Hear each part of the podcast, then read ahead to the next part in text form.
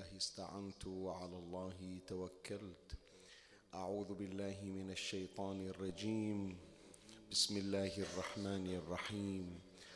اللهم صل على سيدنا محمد. الفاتح لما أغلق والخاتم لما سبق. ناصر الحق بالحق والهادي إلى صراطك المستقيم. وعلى آله الطيبين الطاهرين حق قدره ومقداره العظيم. صلى الله وسلم بعدد ما في علمه عليك وعلى آلك يا سيدي يا رسول الله. أغثني سريعا بعزة الله. اللهم صل على سيدتي ومولاتي فاطمة وأبيها وبعلها وبنيها والسر المستودع فيها عدد ما أحاط به علمك وأحصاه كتابك. على الله في كل الأمور توكلي وبالخمس أصحاب الكساء توسلي. محمد المبعوث وابنيه بعده وفاطمة الزهراء والمرتضى علي أول ما نبتدئ به نذكر سيدتنا قاضية الحاجات أم البنين عليها السلام. وبنية التوفيق والتأييد والتسديد والنورانية في هذا المجلس الشريف وروحانيته والاستضافة أرواح أهل البيت صلوات الله عليهم أجمعين فيه ورحمة لأمواتي وأمواتكم ولمن مات على الإيمان للمنسيين ومن لا يذكره ذاكر ولا يترحم عليه مترحم. ولقضاء الحاجة المتعسرة وشفاء المرضى سيما لمن سألونا لأجلهم الدعاء. نهدي لها ولهم جميعا ثواب سورة الفاتحة. يا حي يا قيوم. بسم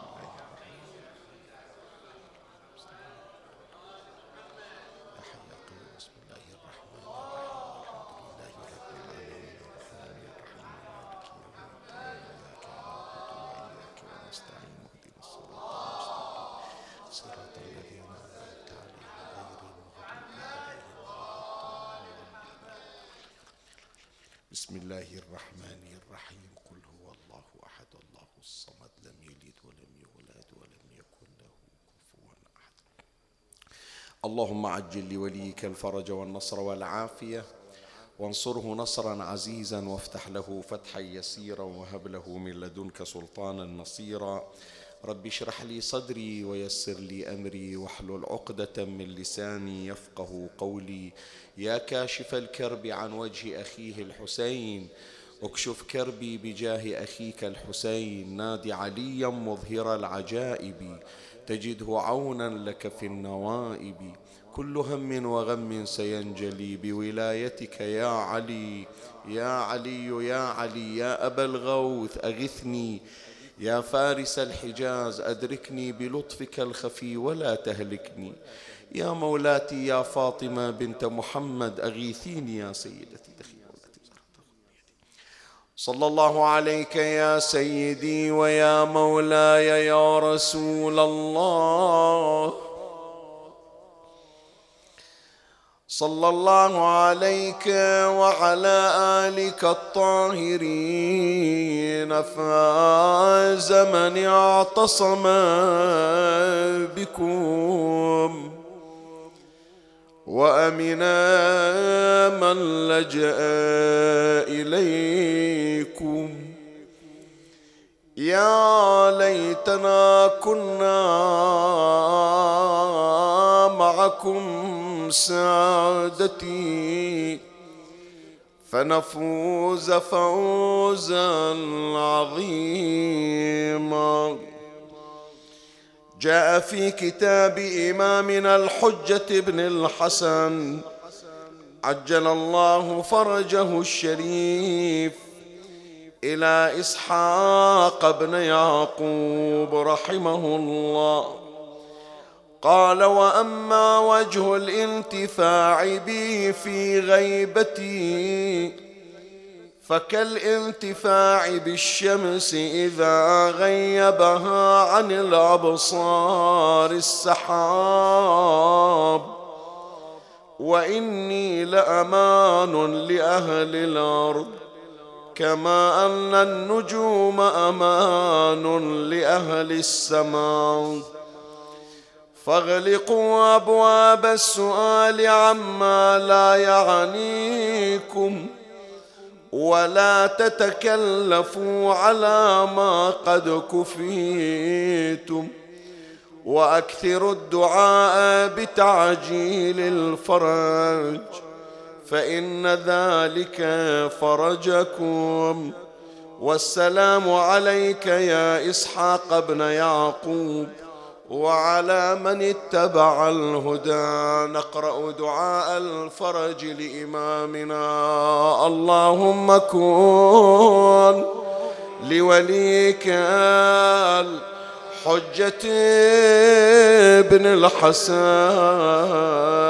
صلواتك عليه وعلى آبائه في هذا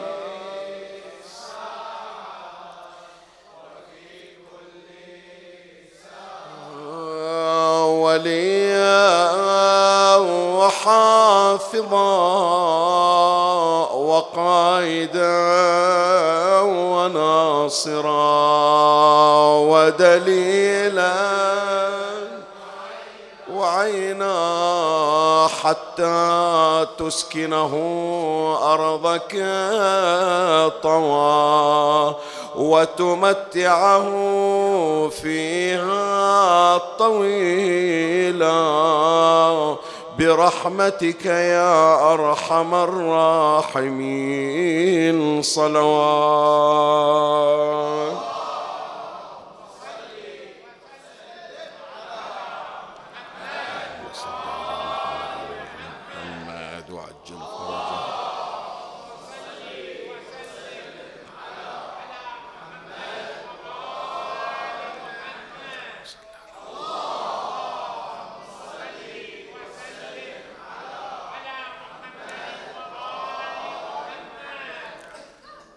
من دلالات عبارات إمامنا الحجة بن الحسن عجل الله فرجه الشريف في العبارة المتقدمة وأكثر الدعاء بتعجيل الفرج فإن ذلك فرجكم. فيه إشارة إلى أن من المجربات لكشف المهام ولتفريج الغموم ولإزالة الكرب الاستغاثة بإمامنا الحجة بن الحسن عجل الله فرجه الشريف. وقد جاء في هذا الأمر كثير من النصوص تدعونا إلى إكثار الدعاء والتوسل والاستغاثة والاستنجاد بالإمام المنتظر. منها أدعية جاءت منها صلوات يعبر عنها بصلاة الاستغاثة منها أدعية مثلا للاستغاثة بالإمام منها مثلا أذكار وما إلى ذلك. كل هذه الأمور إذا جربها المجرب فإنها نافعة إن شاء الله لكشف الغمة ولتفريج الكرب. ومن الأمور المؤيدة لهذه الحقيقة أن علماءنا الأبرار الأخيار كانوا ولا زالوا في مهامهم وفي شدائدهم على اختلافها يلجؤون إلى التوسل بالإمام الحجة روحي فدا وأكو هناك قسم خاص يعني كتب الروايات والكتب التي تكلمت عن العلماء لم تغفل هذا الجانب. ديدن علمائنا السابقين واللاحقين التوسل بالإمام سلام الله عليه. إذا استعصت عليهم مشكلة إذا أصيبوا بنكبة يلجؤون إلى الإمام المنتظر روحي فدا ولعل من أبرز القضايا قضية جرت عندنا في بلدنا البحرين. القضية هذه تعتبر قضية مميزة تختلف عن من سواها. يعني هناك مثلا قضايا إلى سائر العلماء لكن قضايا فردية. قضية البحرين قضية جماهيرية. قضية شعبية تستطيع أن تقول. وكان اللجوء إلى الإمام المنتظر والاستغاثة به كان مطلبا جماهيريا. مو واحد أو اثنين مو واحد بروحه ما خبر أحد عنده مشكلة شخصية ما حد يدري عنها لجأ للإمام. لا كل أهل البحرين فزعت ذات يوم للاستغاثة والاستنجاد بالإمام الحجة. وكان ذلك بدعوة من علماء البلد ومن مراجع البلد آنذاك. واستعانوا ببطل القصة التي هي معروفة بقصة الرمانة هذا العنوان وهذه التسمية خليها عندك. بعد من تقول قصة الرمانة تعرف أنها القصة وين جرت؟ عندنا بالبحرين. وأنها كانت من قرون مضت وكان هناك تهديد لشيعة البحرين من خطر طائفي. أنقذنا من هذا الخطر إمامنا الحجة بن الحسن عجل الله فرجه الشريف. وهي القضية يا إخواني تعتبر من أهم القضايا مثل ما راح يمر. شوف قلت لك العلماء ذكروا عديد من القصص. قصص لعلماء قصص إلى فضلاء قصص إلى شعراء قصص إلى مؤمنين قصص إلى رجال قصص إلى نساء كثير من القصص المجربة استغاثة بالإمام. لكن في طليعة القصص هي القصة. ليش يضربون المثل بأهل البحرين؟ بحيث وثقها العلماء قبل أكثر من ثلاثمية سنة مسجلين القضية ويدعون الناس أنه يا ناس صيروا مثل أهل البحرين. أهل البحرين شافوا جاهم خطر عرفوا بأن باب الله هو صاحب الزمان. والفرج يأتي عن طريقه من الله تبارك وتعالى. وبالفعل استنجد أهل البحرين فأنجدهم الإمام وأغاثهم وفرج الله عنهم ببركته صلوات الله عليهم. فهي قضية جدا مهمة. وبطل القصة الشيخ المعروف بالشيخ محمد ابن عيسى الدمستاني ونحن الآن نتحدث وهو في جوارنا على بعد كيلومترات يسيرة جدا. إحنا نتكلم ولعل الصوت يصل إلى روحه الطاهرة. كان هو بطل القصة فلهذا عرف بها. فمن يقولون شيخ محمد بن عيسى لما يعرف الاسم يقولون صاحب الرمانة يعني صاحب قصة الرمانة.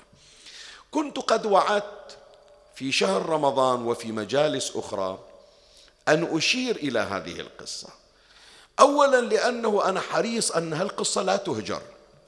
هذا مو شيء من مبتكراتي ولا شيء أنا مبتدع عنه لا. علماؤنا الأخيار رضوان الله عليهم علماء البحرين بين الفين والأخرى يذكرون هذه القضية. ليش؟ حتى ما تندثر.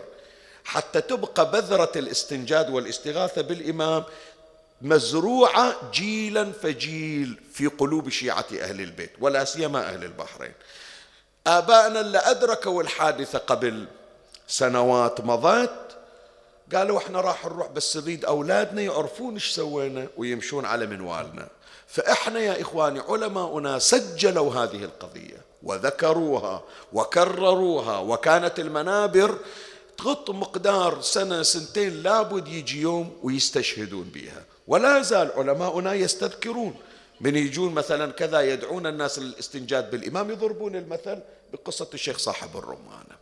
فمن هنا أرى أنه من اللزام علي ومن التكليف أن أذكر القضية. هذا واحد من الأغراض. الغرض الثاني اللي خلاني أذكر هي القصة.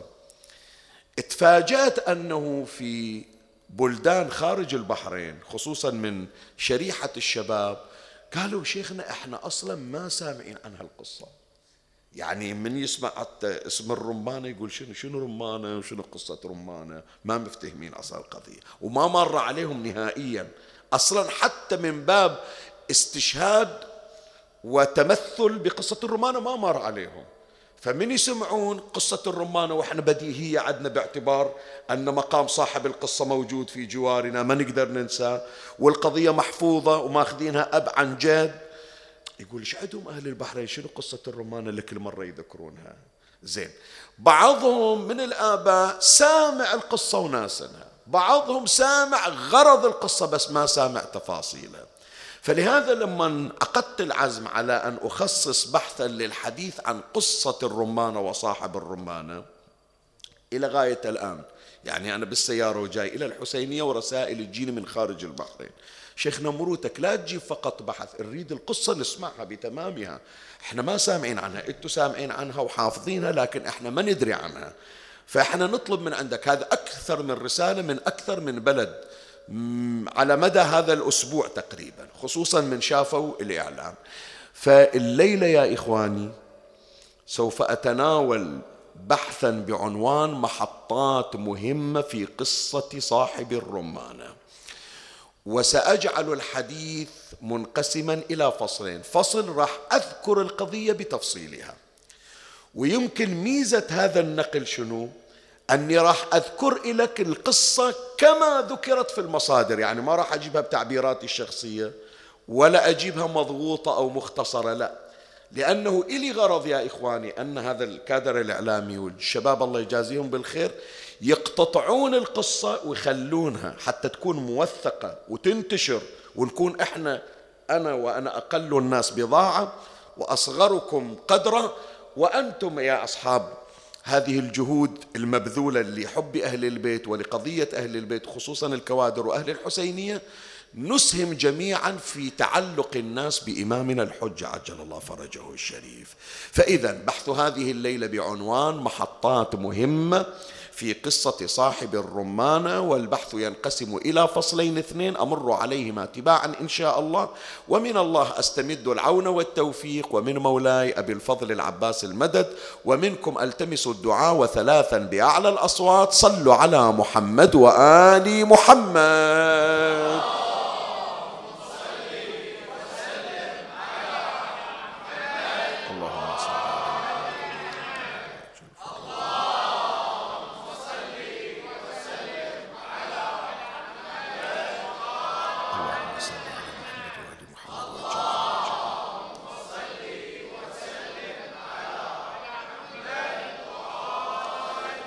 مولاي الكريم أنت حيثما كنت اسمعني وفرغ لي قلبك وأعرني سمعك وأقبل علي بكلك أخبرتك بأن بحث الليلة بعنوان محطات مهمة في قصة صاحب الرمانة والبحث ينقسم إلى فصلين. أما الفصل الأول فذكر القصة كما وردت في مصادرها. مصادر عدة ذكرت القصة.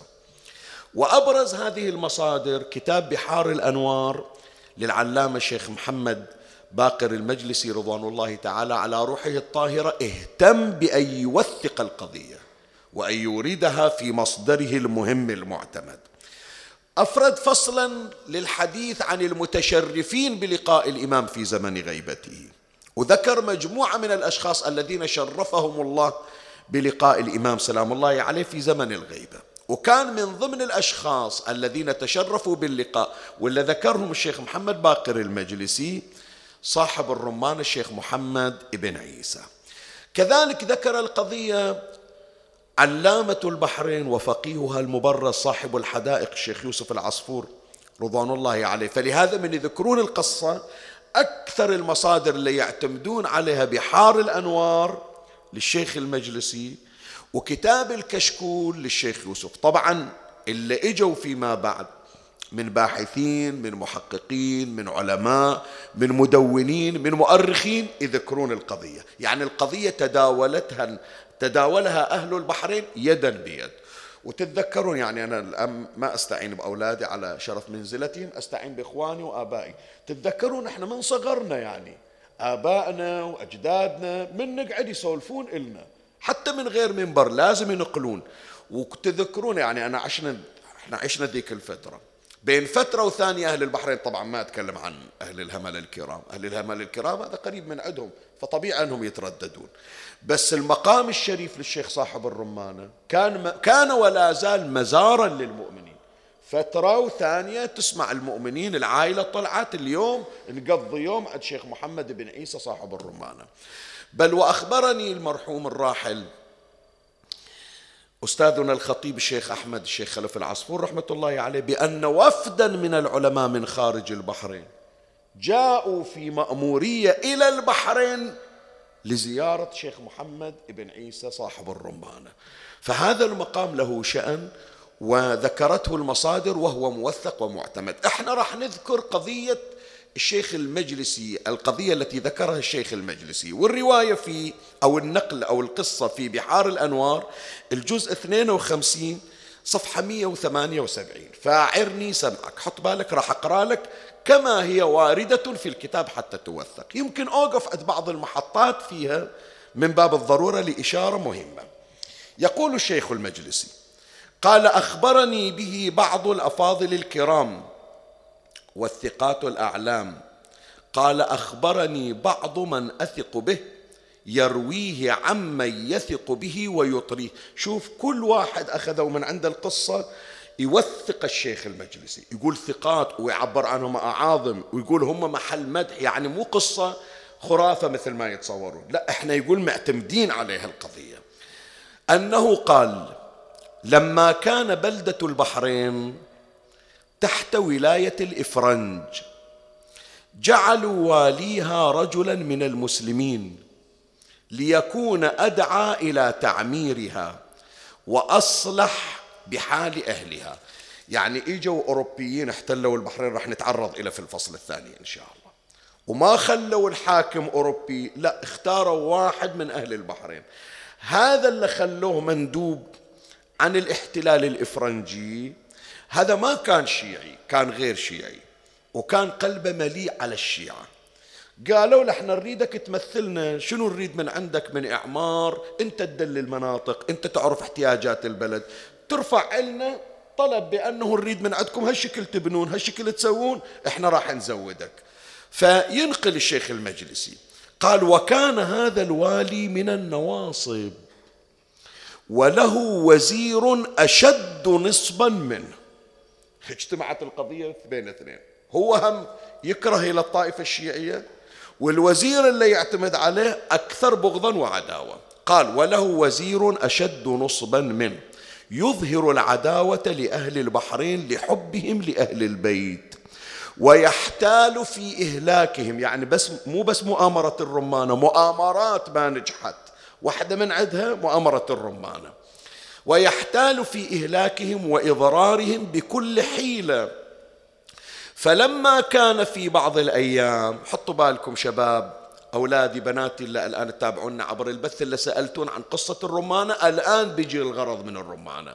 قال فلما كان في بعض الأيام دخل الوزير على الوالي وبيده رمانة فأعطاها الوالي فإذا كان مكتوبا عليها لا إله إلا الله محمد رسول الله أبو بكر وعمر وعثمان وعلي خلفاء رسول الله. الرباط وين يا جماعة؟ في الأسماء. في أسماء أبي بكر وعمر وعثمان. لأنه هذا محل نزاع بين الشيعة وبين السنة. إنتوا تقولون بأن يا شيعة تقولون بأن أبا بكر وعمر وعثمان هذول إجوا بالانتخاب الناس اختاروهم. وهذا دليل رباني لا من كتاب ولا من مؤلف ولا من تحقيق. كرامة اسم أبي بكر طالع على الرمانة اسم عمر طالع على الرمانة اسم عثمان طالع على الرمانة. فإذا حكم أبي بكر وعمر وعثمان كحكم علي بن أبي طالب في الفضل عند الله. ليش تفضلون علي؟ على الخلفاء الثلاثة. القضية مو في الشهادة الأولى والشهادة الثانية القضية في هذه الأسماء. حط بالك شوف للعبارة. مكتوبا عليها لا إله إلا الله محمد رسول الله أبو بكر وعمر وعثمان وعلي خلفاء رسول الله. فتأمل الوالي فرأى الكتاب من أصل الرمانه يعني مو حافرينها حفر ولا ناقشين بقلم لا من خلقتها اللون رباني هو شافها فرأى الكتاب من أصل الرمانه بحيث لا يحتمل لا يحتمل عنده أن يكون من صنع بشر فتعجب من ذلك. وقال للوزير هذه آية بينة وحجة قوية على إبطال مذهب الرافضة. الشيعة يقولون بأنه أخذوا الحق من عند علي بالخلافة. إذا هو ماخذ الخلافة ومي لها حق ليش الله يكتب اسمه على رمانة؟ هذا رد على الشيعة. هكذا كان يقول الوالي. فما رأيك في أهل البحرين؟ فقال للوزير فقال أصلحك الله. اسمع الآن. شوف الخبث وشوف العداء وين وصل. قال أصلحك الله. إن هؤلاء جماعة متعصبون ينكرون البراهين وينبغي لك أن تحضرهم وتريهم وتريهم هذه الرمانة. جيب علماء الشيعة اللي بالبحرين ومراجعهم وقدم هي الرمانة اللي الله جابها إلنا حتى يبين إلنا كرامة الصحابة والخلفاء الراشدين قدامهم. وخلي يعطونك حل.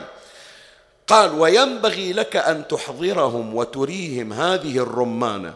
فإن قبلوا ورجعوا إلى مذهبنا. يعني تحولوا من الشيعة إلى مذهب السنة. إن قبلوا ورجعوا إلى مذهبنا. كان لك الثواب الجزيل بذلك. الله يثيبك على ذلك. وإن أبوا إلا المقام على ضلالتهم. يعني تمسكوا بالتشيع. وإن أبوا إلا المقام على ضلالتهم فخيرهم بين ثلاث. إما أن يؤدوا الجزية يعني حالهم حال المجوس حال اليهود حال النصارى.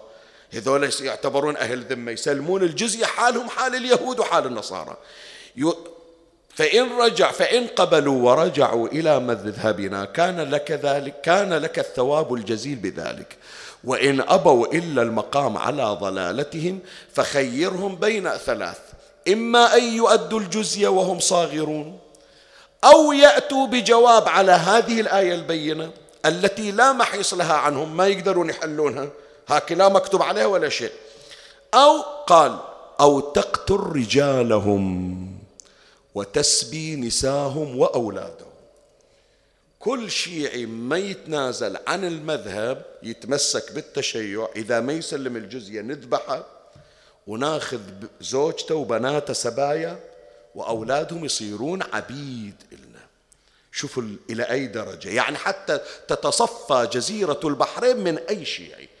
تبقى تالي البحرين اللي عرفت تاريخيا بأنها منطقة شيعية تصير خلاص بعد تحولت إلى مذهب آخر. قال وتأخذ بالغنيمة أموالهم. فاستحسن الوالي رأيه. قال خوش رأي. ونرتاح من شيء اسمه قصة شيعة عندنا بالبحرين. فاستحسن الوالي رأيه. وأرسل إلى العلماء والأفاضل الأخيار والنجباء والسادة الأبرار. يعني حضر كل مراجع البحرين جابهم.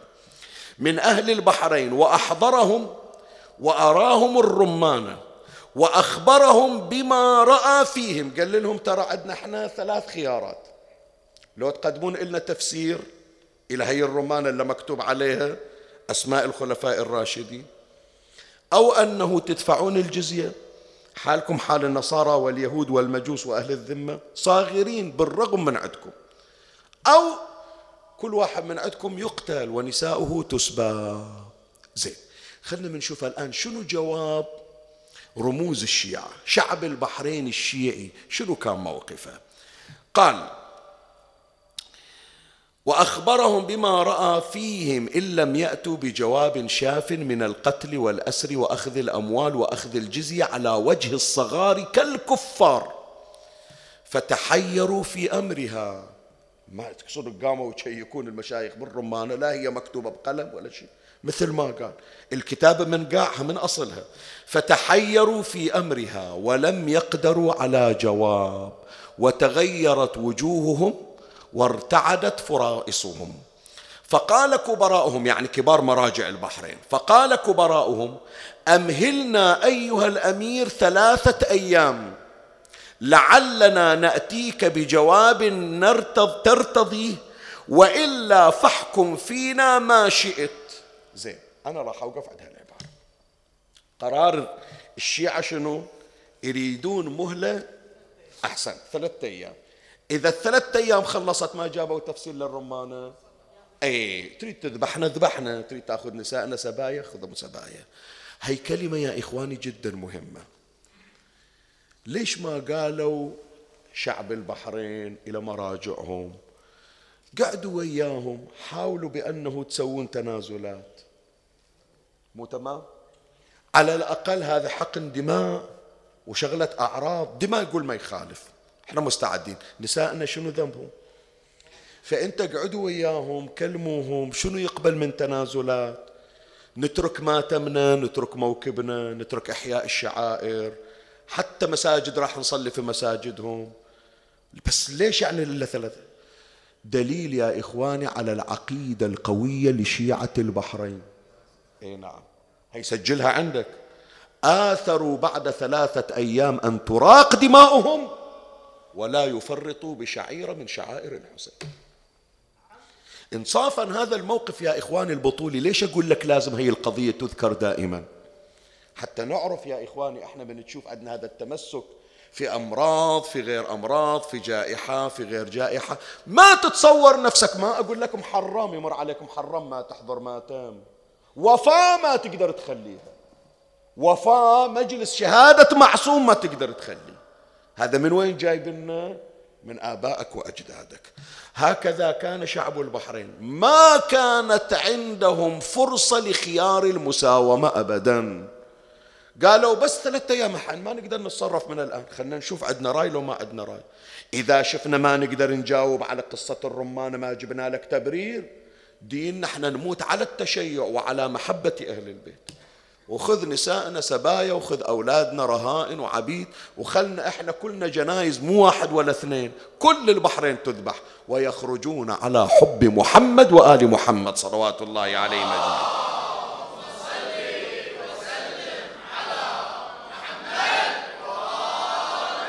واقعا يا إخواني هذا موقف لابد أن نقف عنده ونكبره. وجزاهم الله خير الجزاء. وهذا يدعونا أكثر للحرص وأن نسير على نفس ما صار عليه آباؤنا والسلف الصالح. زين نكمل القصة.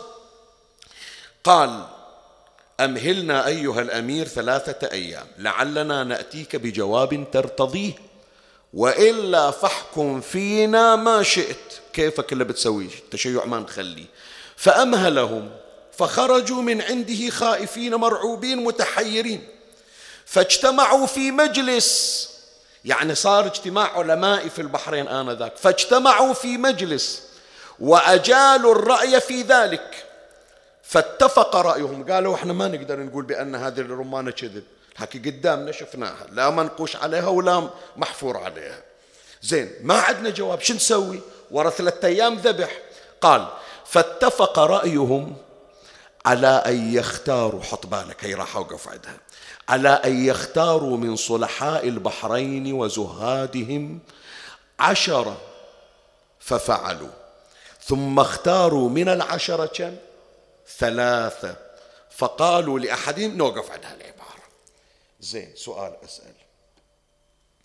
ليش المراجع اللي راحوا وحضروا عند الوالي وشافوا الرمانة ما قالوا إحنا اللي راح نطلع الناجي الله حتى نشوف صاحب الزمان. يعني تخيل القضية بس أفسرها لك الآن. اللي اجتمعوا ويا الوالي والوزير وشافوا الرمانة وسمعوا قرار الدولة آنذاك منو هم؟ مراجع البلد. يوم قعدوا وحطوا القضية بين أيديهم وخبروا الشعب قالوا للناس يا ناس ترى جايبين لنا رمانة هالشكل مكتوب عليها. وطالبين من عندنا تفسير وعاطينا مهلة ثلاثة أيام إما نقدم التفسير أو نقتل وتسبى نساؤنا. اتفقوا يطلعون عشرة أشخاص من زهاد البحرين ومن العباد الصالحين. ومن العشرة ليش العشرة قالوا ما كلهم هو المدة ثلاثة أيام. ما أقدر ما أعطونا عشرة أيام كان طلعوهم كلهم عشرة أيام. من العشرة اختاروا أفضل ثلاثة من العشرة. يعني ذول الثلاثة اللي منهم صاحب الرمان الشيخ محمد بن عيسى مخاض البحرين صفوة البحرين لب لباب البحرين. حتى تعرف أنت مجاور من. سؤال أسأل ليش المراجع ما قالوا إحنا اللي نطلع؟ ليش الفقهاء ما قالوا إحنا اللي نطلع؟ خو هذا قطعا ما صار مرجع فقيه إلا هو ثقة وعدل صحيح لولا أنا أقول لك هكذا أهل البحرين حطوا بالكم إخواني سجلوا هذه يمكن أول مرة أنا أذكرها على المنبر. البحرين فيها أولياء الله فيها ناس خلص. ذول الخلص الأولياء مغمورون ما حد يعرف أساميهم. بس يعرفونهم الخواص من العلماء والمراجع أنهم ما قصدوا أهل البيت في شأن فأرجعوهم أهل البيت. وإلى الآن وإلى الآن أكو مراقد ما ندري منو أسمائها هذا أنتم يا أهل الهملة عندكم هذا واحد مسجد العبد الصالح. منو العبد الصالح؟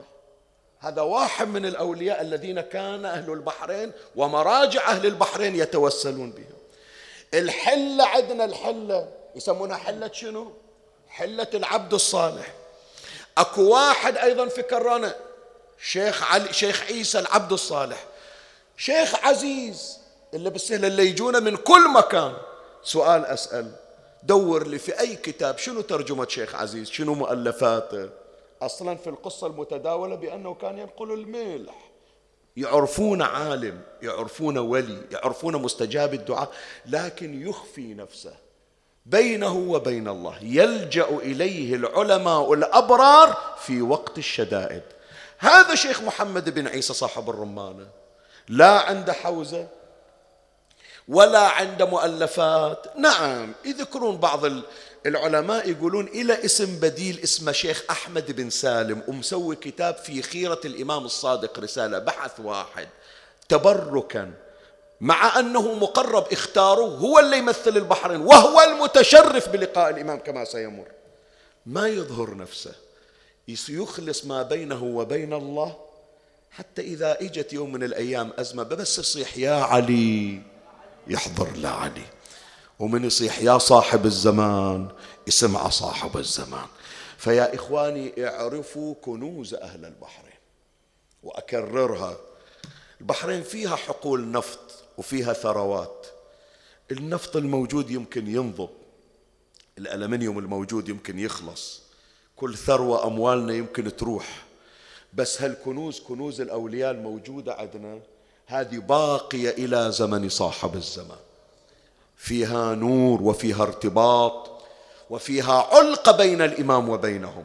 النبي صالح في الجزيرة شيخ عزيز في السهلة شيخ محمد بن عيسى في دمستان شيخ محمد بن سبسب صاحب الأسرار وصاحب الخفايا شيخ ميثم الماحوزي سيد ذبيح الله في مقبرة المنام ذول أولياء الله. الذين إذا توسل بهم المتوسل إلى الله استجاب الله له ويسمع أهل البيت أصوات مناجاتهم. ففكروا يا إخواني شوفوا العلماء شلون يطلعون ذول الصلحاء والزهاد اللي ما نعرف عنهم. اليوم يطلع واحد يجي يقول إيه هذا المقام خرافة هذا ما ندري عنه إحنا هذا مبتكر حتى يغشون الناس. لا عمي ذولا مخفيين حتى يوم كانوا على قيد الحياة على على قيد الحياة. مخفيين ما يطلعون أنفسهم. بس أهل الفن وأهل الذوق وأهل العلم وأهل المعرفة يعرفونهم ومن يطيحون بشدة يروحون إلمن إلى هؤلاء الأولياء. نعيد العبارة. قال ثم اختاروا من العشرة ثلاثة فقالوا لأحدهم اخرج الليلة إلى الصحراء. هو ماكو عندنا صحراء إحنا البحر مو من كبرها بس البرية يسمونها الصحراء يعني. فقالوا لأحدهم اخرج الليلة إلى الصحراء. واعبد الله فيها واستغث بإمام زماننا. شوف شوف الذكاء اللي عند علمائنا. في الشدة يعرفون وين يروحون. واستغث بإمام زماننا وحجة الله علينا لعله يبين لك ما هو المخرج من هذه الداهية الدهمة. فخرج وبات طول ليلته متعبدا خاشعا داعيا باكيا يدعو الله ويستغيث بالإمام عليه السلام حتى أصبح ولم ير شيئا. ما جاه الإمام في أول ليلة. فأتاهم وأخبرهم. فبعثوا في الليلة الثانية الثاني منهم. فرجع لصاحبه. يعني هم ليلة الثانية ما إجا صاحب الزمان إلى هذا الولي. ليش راح نجاوب عليه إن شاء الله في الفصل الثاني؟ فرجع لصاحبه ولم يأتهم بخبر. فازداد قلقهم وجزعهم. ليش؟ قال بعد ما عدنا الليلة باكر إذا صاحب الزمان ما جاء يوم الثالث بعد البحرين كلها جنايز. مذبحة تصير يعني. قال فازداد قلقهم وجزعهم فأحضروا الثالث وكان تقيا فاضلا واسمه محمد بن عيسى رحمه الله شيخ محمد بن عيسى. فخرج الليلة الثالثة. شوف الفن هذه أيضا خلي أوقف عندها. شيخ محمد بن عيسى ليش إجاه الإمام ما إجا إلى الاثنين؟ واحدة من القضايا اللي يذكرها الشيخ المجلسي. اسمع. قال فخرج الليلة الثالثة حافيا حاسر الراس إلى الصحراء. ذولاك الاثنين يوم طلعوا وكل واحد عمامته على راسه. من نزع عمامته وطلع حافي شنو يعني؟ يعني طلعت الجازع. يعني يقول أنا ما عندي حيلة ترى الأمر خليته بإيدك. وهذا الاستغاثة والتجرد من كل شيء وإيكال الأمر إلى المولى سلام الله عليه. هذا معناه بأن الإمام هو المفوض الآن. ما أقول أنا دعائي اللي راح يجيب الفرج لا. أقول حتى دعائي يمكن ما يستجاب. لكن تركت الأمر عندك. وهذا سر يا إخواني الاستغاثة. الشيخ الوائلي رضوان الله عليه. رحمة الله عليه رحمة الأبرار أستاذنا أبا مر عليكم القصة عند واحدة من بناته يوم هي طفلة طبعا البنت كبرت وعيلت وفارقت الحياة أيضا البنت بعد أن كبر سنها. يوم هي طفلة طاحت طيحتها أكو استكانة مكسورة. طاحت على وجهها على الاستكانة غاصت الاستكانة بعينها. ودوها والعين متدلات. فمن سووا لها العملية استأصلوا العين شيخ الوائلي اجى إلى الدكتور دكتور مسي أرمني. قال له دكتور بشر إن شاء الله بتشوف بنتي. قال أي تشوف؟ تشوف. إحنا الآن بنحاول نسوي عملية تجميل لأن بعد بنية ما نريد شكلها يصير متشوه. إيش جاية بالقضية؟ أنا أقول لك. المستشفى في بغداد. شيخ الوائل طلع من باب المستشفى حافي إلى الإمام الكاظم. شوف هذه الشغلة اللي أقول لك حتى تعرف الاستجابة. طلع حافي هي البنت ترى مسجلة وتذكر يعني تقول طلع أبويا من عندنا من المستشفى رايح إلى الإمام الكاظم سلام الله عليه بعد يقول أهلنا من شافوا الشيخ طالع بهالصورة طلعوا وراه يمشون. يعني مشاية رايحين. كان يقول له جاي فازع إلك وناخيك. إجا الشيخ ماشي حافي القدمين هذا اللي يطلع لك اليوم واحد من فلان مكان يقول الشيخ ما عنده ولاء. الشيخ ما عنده ولاء؟ كم كرامة طلعت للشيخ الوائل يا جماعة؟ سؤال أسأل رد علي انتظر من عندك جواب. كم كرامة؟ هي واحدة بنته. الثانية صاب سرطان بحلقة توسل بالإمام الرضا عليه السلام. ما قدر يروح كتب رسالة قال قصيدة قال ودوها إلى أبي جواد. ذبوها بالضريح والإمام ما يخيبني. ورجع صوته كما كان وراح قرى في دبي وهم مأيسين من عنده. عمي اللي ما عنده ولا ولا ارتباط بأهل البيت أهل البيت يوجبونه. هذا دليل أنه قريب منهم لكن ما احتاج لا إلى جعجعة ولا إلى طنطنة. من إجا يمشي إلى الإمام الكاظم عليه السلام. تمام؟ وقف عنده قال له سيد إحنا نذكر فضائلكم على المنبر. وهي حزاتها ترى. طايحة بشدة وبنتي هناك عينها راح تروح. رجع إلى الطبيب بعد أسبوع يقول له العين التالفة صارت تبصر أفضل من العين الصحيحة.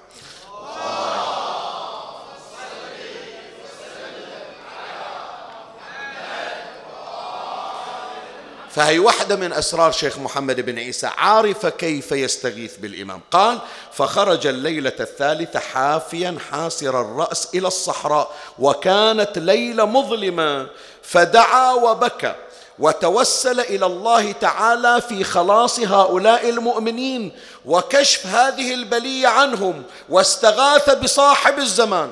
ظل يبكي إلى نص الليل. ما حد يسمعه.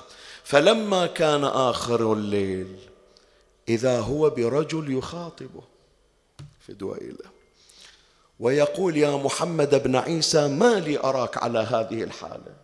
إيش عندك عايف عيالك وجاي تون في البرية؟ ولماذا خرجت إلى هذه البرية؟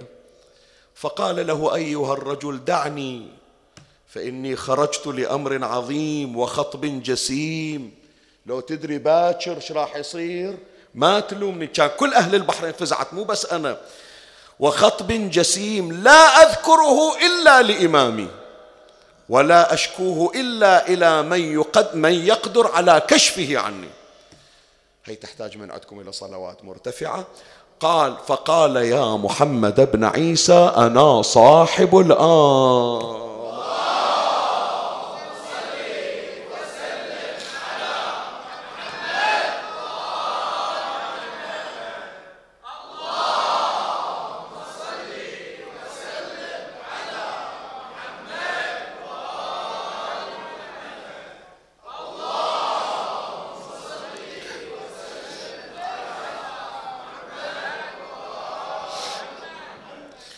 دخيلك يا مولاي يا صاحب الزمان أنا صاحب الأمر فاذكر حاجتك.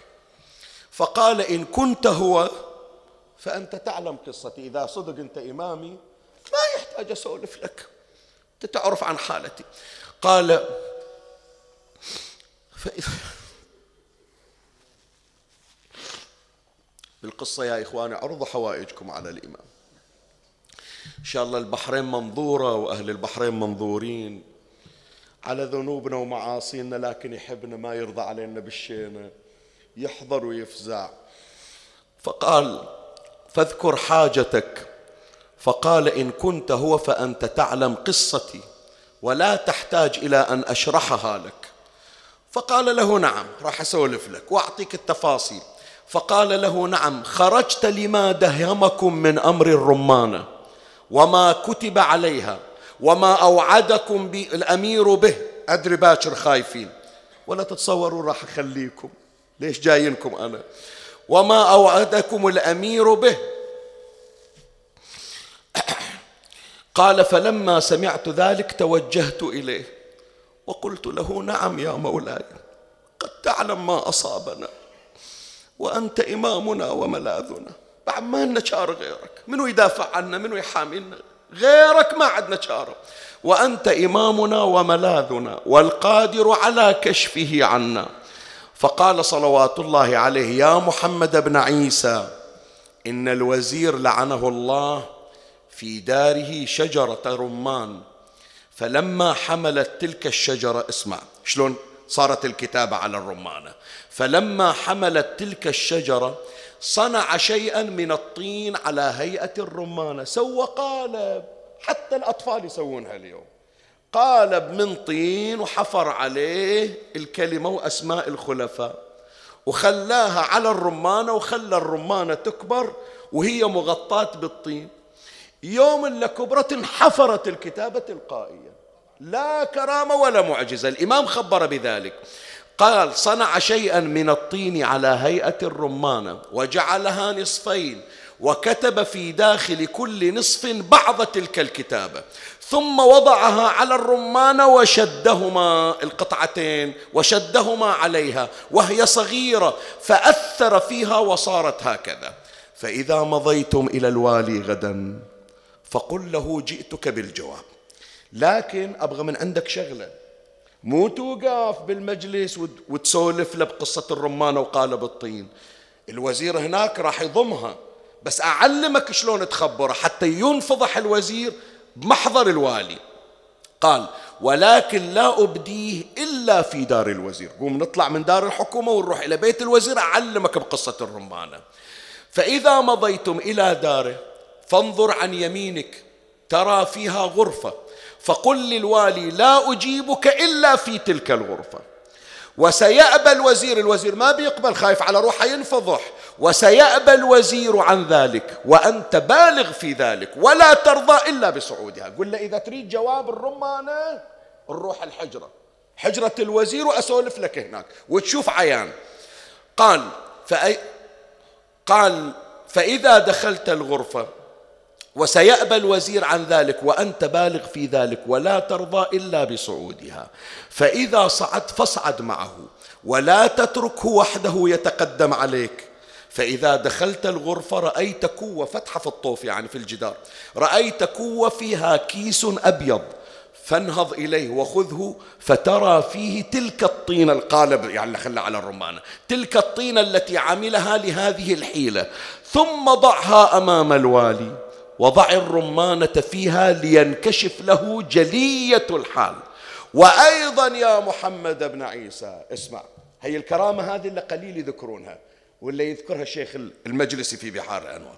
قال له أنا بعطيك تأييد من عندي. حتى من تقول الإمام صاحب الزمان ويانا عندك علامة بينة.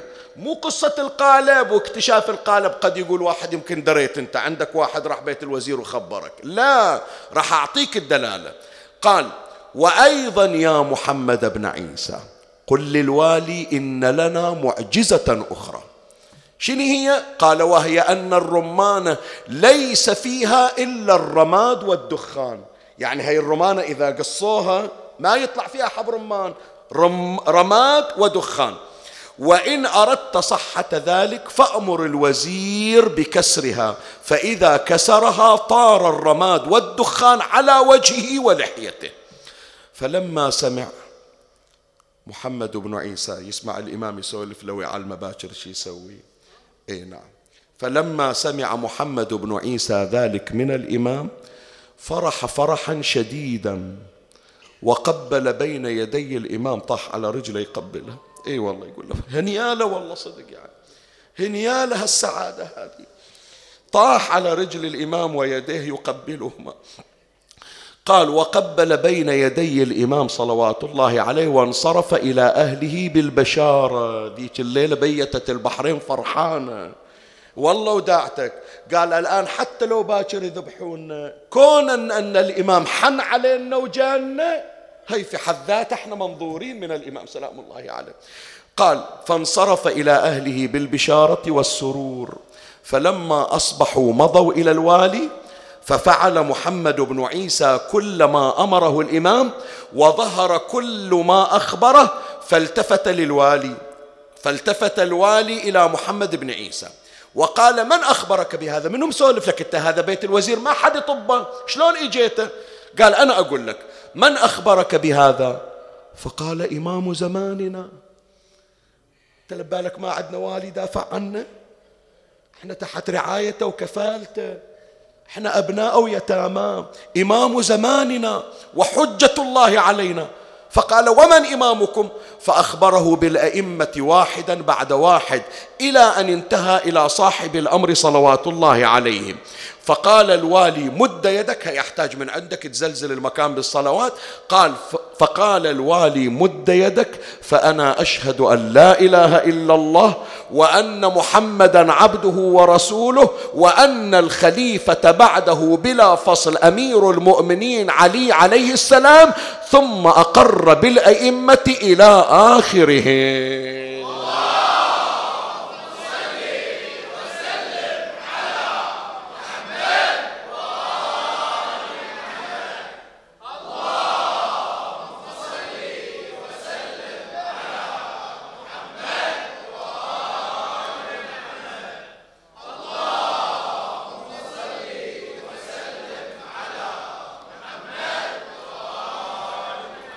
هذه قصة الرمان وصاحب الرمانة تلوتها على مسامعكم.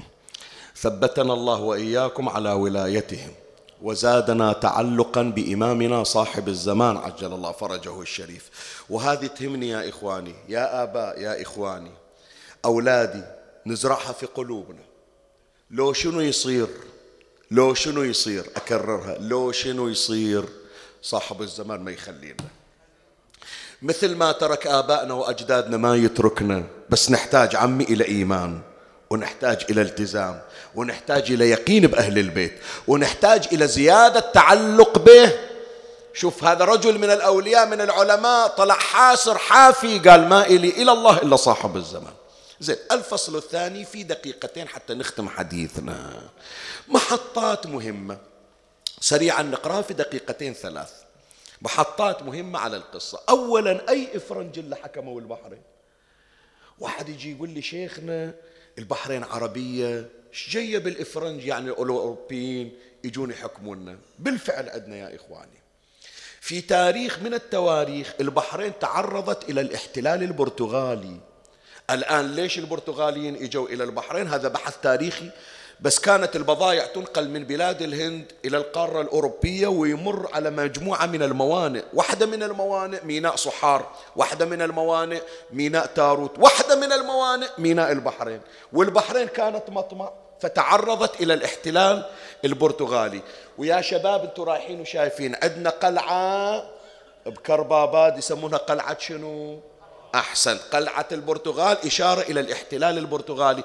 هذا هذا الحكم إلا إجا إلى البحرين حط والي ناصبي في هذه القضية. حتى من نجي نقرأ يا إخواني في كتب التاريخ نشوف فترة البرتغاليين آخر خروجهم سنة 1602 ميلادي يعني سنة 1010 هجري.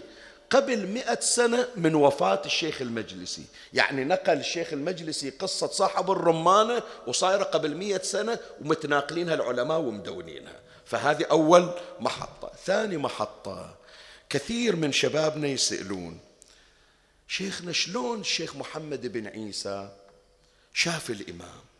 إحنا غير عندنا بأن الإمام في زمن الغيبة لا يرى ولا يشاهد. وكم رواية عندنا من ادعى المشاهدة؟ قبل الصيحة. والسفياني فهو كاذب أشر. زين شلون تقولون شيخ محمد بن عيسى شافه؟ لا إخواني اسمعوا. إلا ممنوع عليه يدعي المشاهدة اللي يقول بأنه أنا سفير الإمام. يعني اليوم يجي واحد يقول أنا شفت الإمام مثل ما شيخ محمد بن عيسى شاف الإمام ويقول لكم هذا حلال وهذا حرام وماكو مرجعية. لا نقول له ما نقبل من عندك. الإمام ما راح يخلي ما يخلي فرصة للإفتاء والإخبار إلا في زمن الظهور. نعم في زمن الغيبة قد يتشرف بعض المؤمنين باللقاء. شيخ المقدس الأردبيلي اللي موجود في حرم أمير المؤمنين تشرف باللقاء. سيد محمد مهدي بحر العلوم تشرف باللقاء. العلامة الحلي تشرف باللقاء. سيد حيدر الحلي تشرف باللقاء. ذول العلماء تشرفوا باللقاء. شيخ مرتضى الأنصاري تش... شيخ محمد بن عيسى تشرف باللقاء.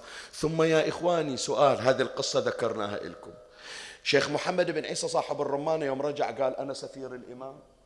ما قال هالكلام. بالعكس الإمام علم كيف يتخلص من المشكلة لأن القضية تحتاج لتدخل الإمام. وتالي ما ادعى ما قال أنا شفت الإمام. يمكن شافه لكن ما أخبر الناس. والإمام في زمن الغيبة يلتقي ببعض الخواص يتشرفون بلقياه أقرأ لك الرواية عن الإمام الباقر عليه السلام.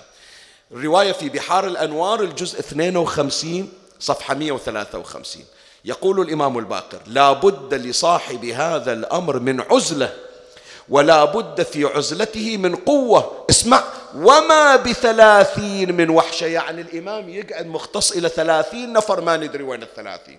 يمكن واحد في البحرين واحد في قوم واحد في النجف يمكن واحد في الهند ما ندري. أكو ثلاثين الإمام يقعد وياهم في زمن الغيبة ويأنس بهم. الإمام الباقر يقول وما بثلاثين من وحشة ونعم المنزل طيبة. فعند خواص عددهم ثلاثين. وشيخ محمد بن عيسى صاحب الرمانة أحد الثلاثين من الخواص الذين يحضر إليهم صاحب الزمان عجل الله فرجه الشريف. هي المحطة الثانية. المحطة الثالثة والأخيرة. بعض الشباب سئلوا شيخنا ليش الإمام ما جل أهل البحرين من أول ليلة؟ ليش بعد ثلاث ليالي؟ سؤال أسف. والسؤال مستحق يا جماعة صحيح لو لا؟ شدة كان من أول ليلة الإمام قال لهم أعطيكم الجواب. ليش إلى ثلاث ليالي؟ شنو؟ خلي أسمع. عط... إيه أعطاهم ولا بس؟ قابل الإمام أنه يحلها من أول يوم من أول ساعة. إيه أنا أقول لك.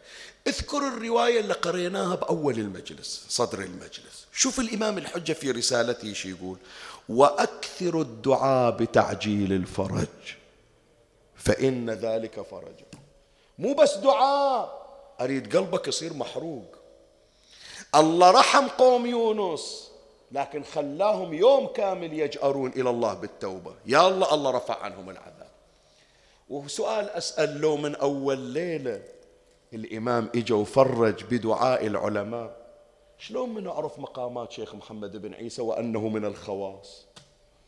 لكن حتى يكشف عن مقامه الخاص وحتى يعلمنا أنه إلى اللحظة الأخيرة لا تيأس من خروج الإمام. اي نعم. إلى اللحظة الأخيرة. لا تقول والله دعينا وكم مرة قرينا دعاء الندبة ما فادنا. خلاص لو بيطلع إن كان طلع. إلى اللحظة الأخيرة. ما بين له طرفة عين وانتباهتها يغير الله من حال إلى حال. شيخ محمد بن عيسى من طاح على أقدام الإمام. قال له سيدي إحنا ما نستاهل. إحنا أصحاب ذنوب وخطايا. لو جرى علينا السيف بما صنعنا وبما ارتكبنا. لكن يا ابن رسول الله تقبل مروتك واحدة من العلويات تنسى باكر يسبونها. علوية من بنات الزهرة من بناتكم من البحرين. ترضى باكر تتعرض للسبي ترى مهدديننا يسبون نسائنا مهدديننا يذبحون أطفالنا. إحنا الرجال متعودين. دمنا مو أغلى من مو, من مو أغلى مو أغلى من دم الحسين. لكن ترضى حميتك يا سيدي على واحدة من بناتكم. باكر يوقفونها في المجالس هناك يعرضونها للسبي. والغيور صاحب الزمان وسامع. قال له باكر يجيك الفرج ولا واحدة من بناتكم يحركون ساتر من على رأسه. ليش تبكي عمي؟ ليش؟ وين راح قلبك؟ هنيالك هنيالك هذا الولاء. يا صاحب الغيرة يا فرج الله أخذتك الحمية على نساء أهل البحرين. حضرت في ظلمة الليل البهيم. وقلت والله أجيب لكم الفرج ولا واحدة من نسوانكم تتأذى. وقبلت على عمتك زينب من ديوان إلى ديوان وقبلت على بنيتكم رقية طايحة على راسه في جنازة جنازة في ديرة غربة. وقبلت على سكينة بنت الحسين الحبال بإيدها وزينب تنادي أنا لا والد لي. إي والله الليل عمي برد قلب الإمام بالونة. لا والد لي ولا عم نلوذ به. ولا خلي بقي أرجوه ذو رحم ينشاف ينشاف جرح قلبي بجرح ما بعد. ينشا يا يا ودمع العين يجري وأبى. ينشاف ينشاف يا صاحب الزمان. زينب طول هالما ينشاف تبدل اسمها للخارجي. تبدل اسمها الخايا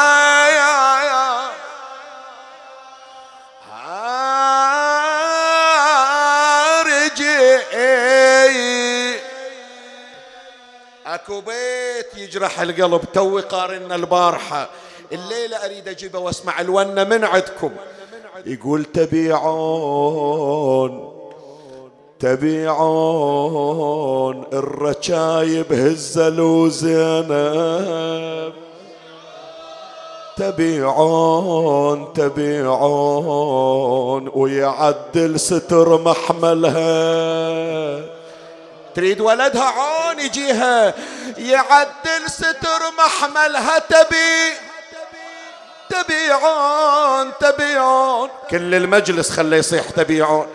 زينب تقول يا أهل الشام ما عدكم تبيعون تبيعون. شنو؟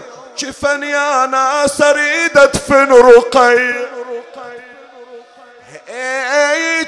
يا ناس اريد ادفن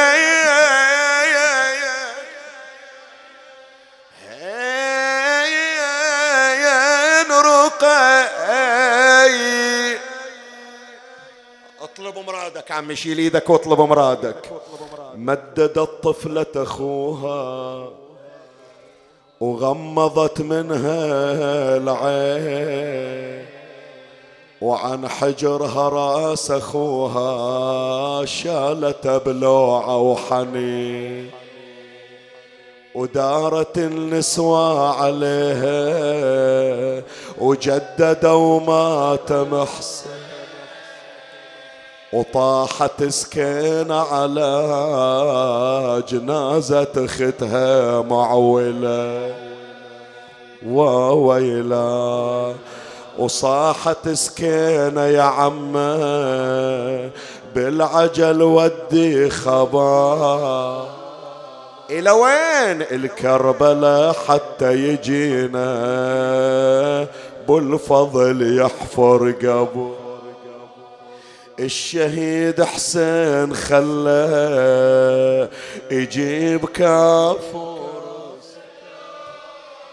والولد الأكبر يشوف اخته ونعشها يحمله شوف حيرة زينب شوف حيرتها شلون ندفن هالجنازة والأهل كلهم غياب بين عدوان وجنازة مدد بديرة جناز وين جدنا وين أبونا؟ المرتضى داحين. وين أهلنا ما درى؟ وعندي جنازة معطلة والله بياض على وجوهكم. والله نيالكم على هالتوفيق وعلى هالولاء. يقولون الونة ما تطلع إلا بمحرم وصفر وانتو سويتوا السنة كلها محرم يا أهل الهملة مسك الختام للحاجة المتعسرة. ما بكت زينب بكي مثل ما فقدت رقية. يقول لها زين العابدين عمش هالبواكي ابويا انذبح قدامك. شفت الخيل صاعدة على صدره. شفت الخيزرانة على أضراسه. وانت مثل الجبل. الآن هالجنازة هذه هي خلتك تنهارين يا زينب؟ تقول له أبو محمد عقب يومين من نطلع ومن روح كربلاء ومن أوصل عند قبر أخوك عند قبر أبوك ويسايلني عن أختك. إيش أجاوب؟ إيش أقول له؟ عاطنك يتامى تحافظين عليهم لو تدفنينهم غرايب يا زينب. وإجت زينب يوم كربلاء يوم الأربعين. أول ما وصلت وإذا تسمع الصوت يا زينب ليش ما جبت رقية يا زينب ليش ما جبتي رقية أنا تمنيتك تجيبيها إلي. تقول لي حسين لا تعتب. علي تراني دفنت بنتك بدي ما أذل اليتيم حين ينادي بأبيه فلا يراه مجيبا. لو سايلون أهل المدينة يا زينب أخوك حسين. وأنا اقلهم اخويا ذا.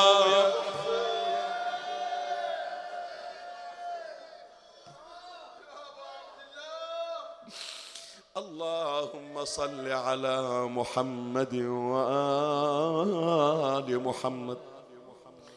يا دائم الفضل على البرية يا باسط اليدين بالعطية. يا صاحب المواهب السنية. صل على محمد وآله خير الورى سجيا واغفر لنا يا ذا العلا في هذه العشية. اللهم عجل فرج إمامنا صاحب العصر والزمان. وفرج عن شيعته ببركة دعائه يا رب العالمين. اقض حوائجنا وحوائج المحتاجين فرج عنا وعن المؤمنين ترحم على أمواتي وأموات الباذلين والسامعين أوصل لهم جميعا ثواب هذا المجلس الشريف وبلغ موتاي وموتاكم وموتى المؤمنين والمؤمنات ثواب الفاتحة مع الصلوات.